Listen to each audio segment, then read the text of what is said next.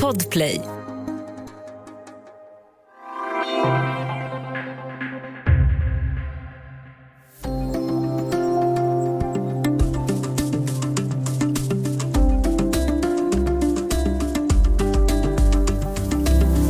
En del artiklar skrivs ju väldigt snabbt. Andra tar flera dagar eller veckor eller många månader att få till. Den serie reportage om Sveriges nationella bombskydd som DN har publicerat under senare tid, den har föranletts av ett långt arbete. I Studio DN idag om hur de reportagen har blivit till. Välkomna, jag heter Sanna Thorén Björling.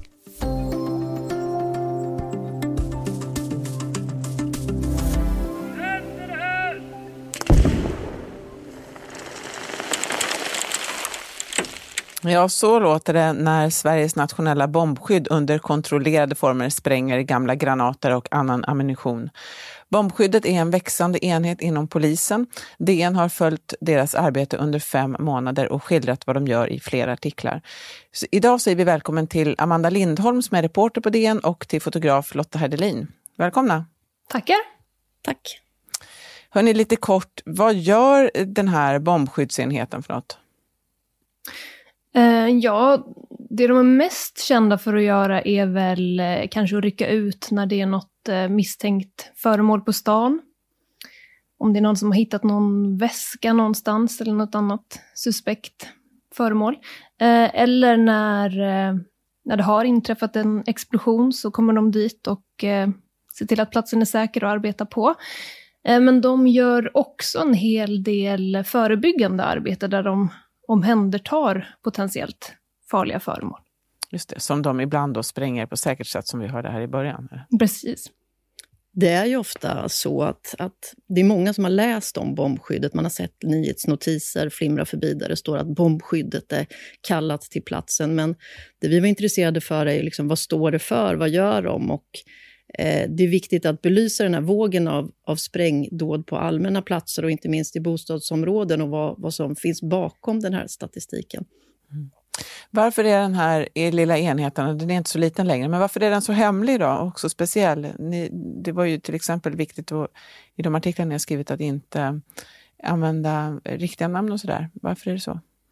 Ja, men det, det är ju en samling personer som kan väldigt mycket om, eh, om detta med sprängningar och sprängämnen och har en eh, speciell kunskap och eh, med den specifika kunskapen så hamnar de väl också i ett eh, känsligt eller utsatt läge.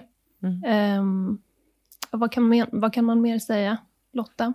Nej, men det är väl det. Alltså jag tycker att det räcker. Det, är ju en, det finns ju naturligtvis en, en potentiell hotbild mot mot de som besitter den här äh, kompetensen. Så är det ju.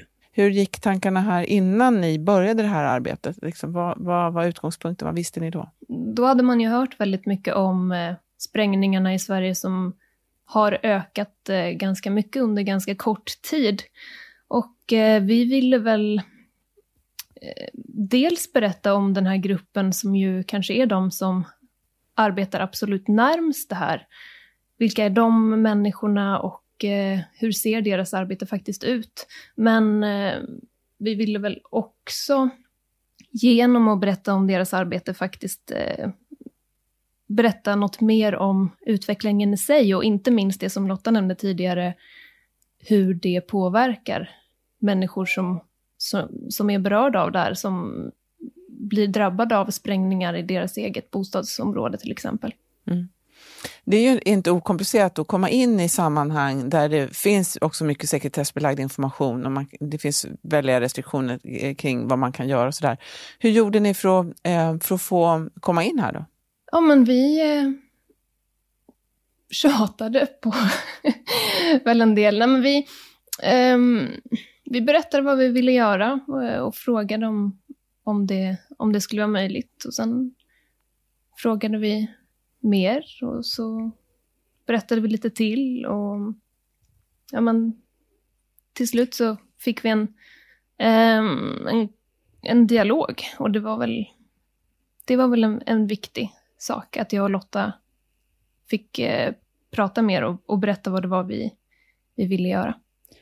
det är ju ofta en väldigt lång process som ligger bakom att eh, ta sig in i sådana här lite mer slutna rum eller, eller liksom, Eh, organisationer eller myndigheter som, som handhar känslig information. Och det, det är ju en lång, lång process som ofta tar liksom, inte veckor och inte månader, utan, utan kanske år.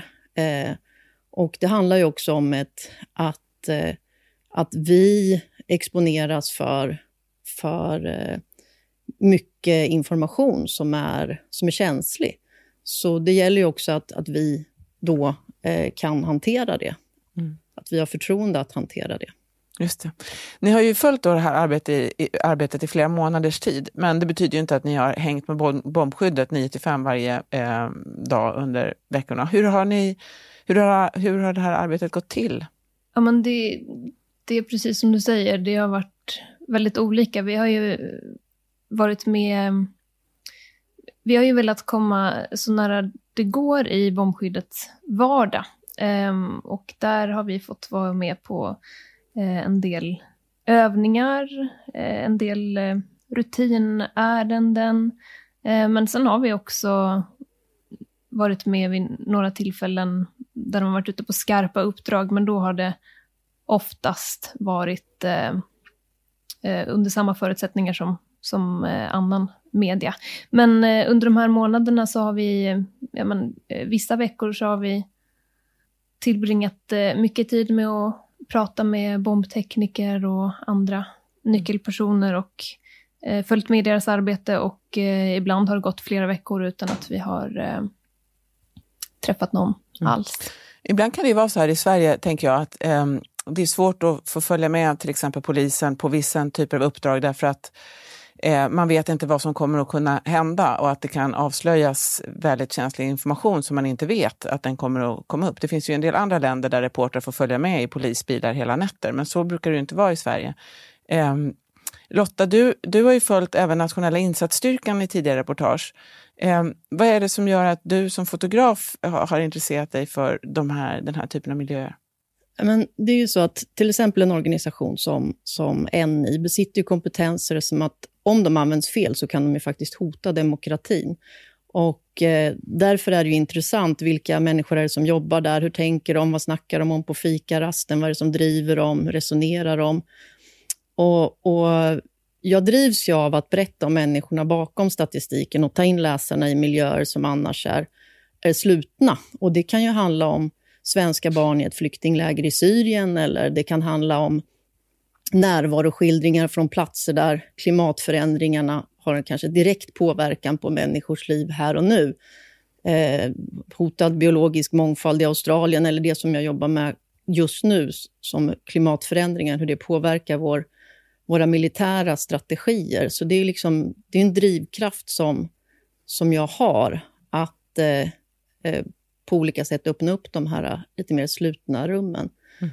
Och jag kan säga en sak, och det, både jag och Amanda jobbar ju väldigt växelvis med längre, större projekt, men också blandar det med liksom snabba nyhetsjobb. Så det är liksom inte så att, att vi jobbar med det här i fem månader och sen, och sen så liksom, eh, är vi inte tillgängliga för andra jobb, utan vi jobbar ju liksom i olika tempo hela tiden. Så det här är bara en del av vårt arbete. En mindre del egentligen. Mm. Vi ska alldeles strax eh, prata mer om bombskyddet och eh, dess framtid.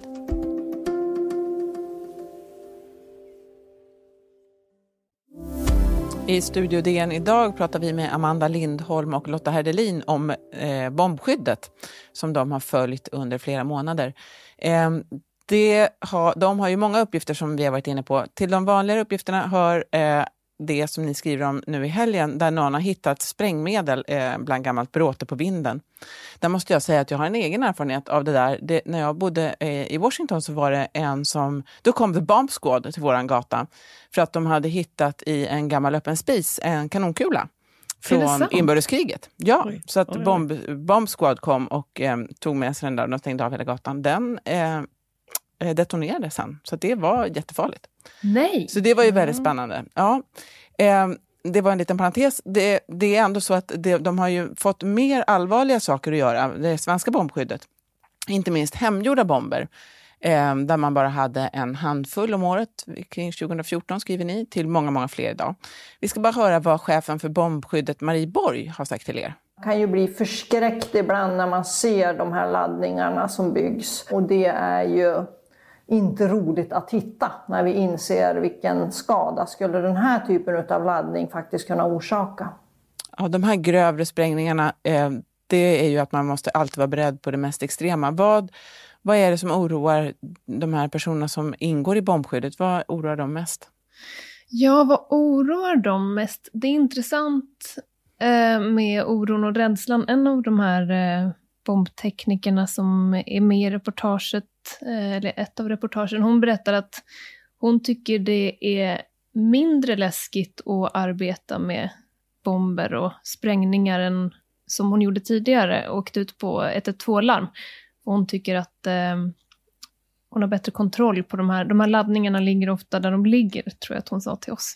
Ehm, eh, så de säger också att man, man kan inte vara så rädd och så orolig, för då gör man inte ett bra jobb. En berättelse som, som liksom fastnade hos mig, eh, just kring liksom hur rationellt de förhåller sig till, till risk och fara, det var när, när en av dem berättade att, att han var, var med vid en väldigt, väldigt, väldigt farlig incident. Och då, då så såg han till att hålla sig riktigt, riktigt nära det farliga istället för liksom en och en halv meter därifrån. Därför att han visste att om, om han skulle bli skadad så var det bättre att ja, helt och hållet eh, inte överleva än att bli väldigt, väldigt, väldigt skadad men, men liksom, ja, överleva. Så den, den där överväganden liksom verkligen fastnade hos mig. Vad skulle du säga, Amanda? Nej, jag tänkte bara att alla har nog sina egna eh, strategier och jag tror att det är precis som han som du refererade till, Lotta, den här tidigare bombteknikern, eh, han pratade ju också om att det är, det är viktigt att kunna förhålla sig till så, så pass stora saker som, som döden eftersom det kan i absolut värsta fall vara en, en del av ens arbete. Och sen är det ju såklart en del av allas, man kan ju dö hela tiden, men här är det ju någonting som är enormt konkret. Eh, det är ju spännande det här med vem som söker sig till bombskyddet. Ni skriver också att det är hemligt hur många de är, men att det är någonstans mellan 70 och 100 och att man söker fler eh, personer hit. Eh, vem är det som söker och vem är det som lockas till de här tjänsterna där man kanske behöver vara extremt stresstålig då och väldigt eh, noggrann. Eh, vem blir bomb bombtekniker? Ja, jag måste säga att jag blev lite förvånad när jag träffade eh, den här eh, gruppen och fick höra mer hur man tänker kring rekrytering. För när jag tänkte tidigare kring bombskyddet så tänkte jag ju på väldigt farliga saker och jag tänkte att de som sökte sig dit var väl lockade av det.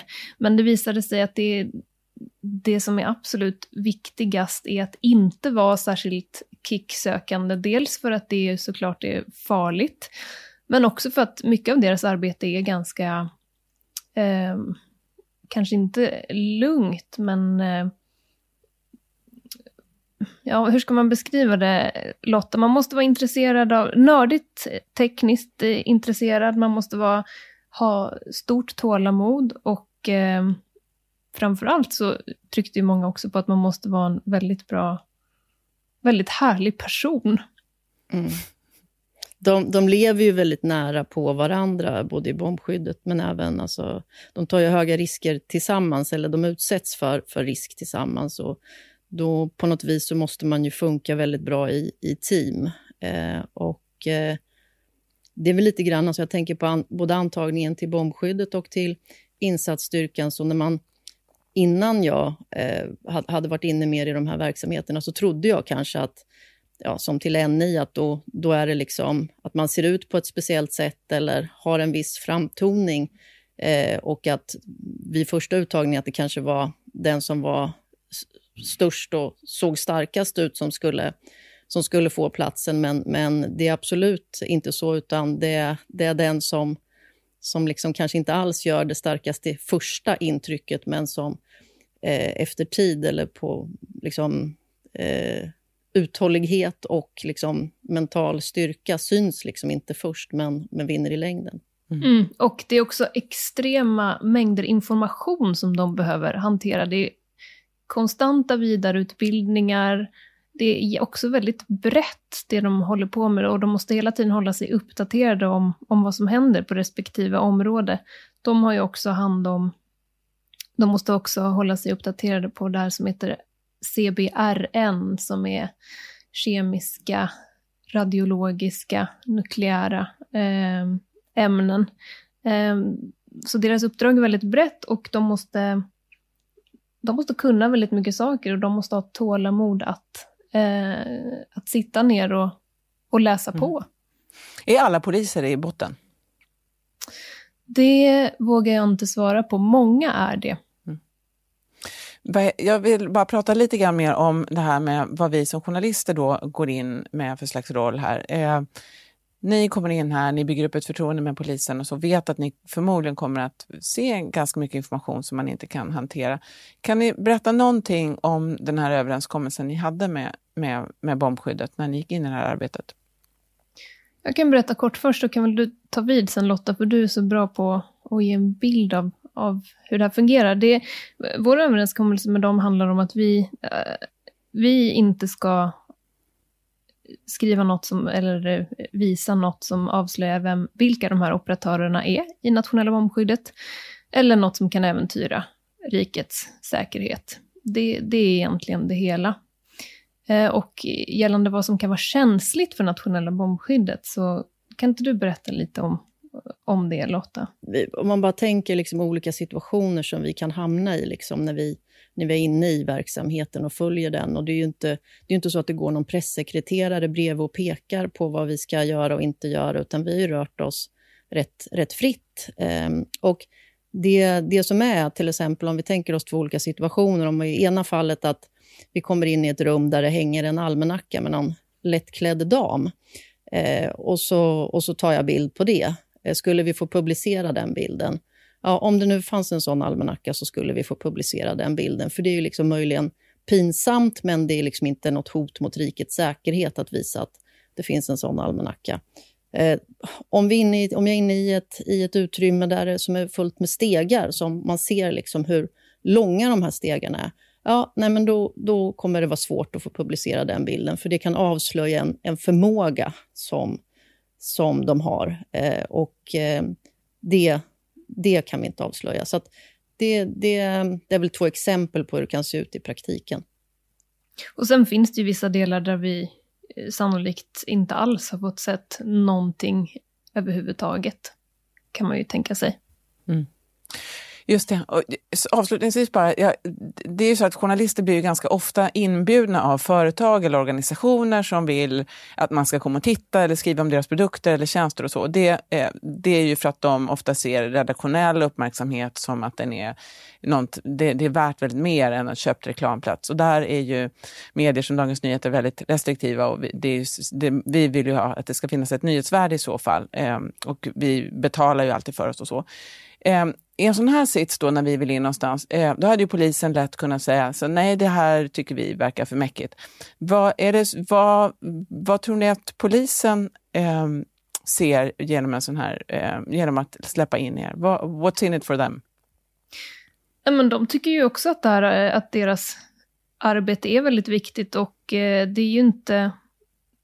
En del i varför vi ville skriva det här var ju att det inte Eh, Eh, den här gruppen har inte blivit så skildrad tidigare, så man kan väl tänka sig att de också ser ett värde av att, att de syns mer. Ehm, men eh, det jag och Lotta hela tiden har eh, fokuserat på är ju vad, vad som är journalistiskt intressant för oss och för DNs läsare.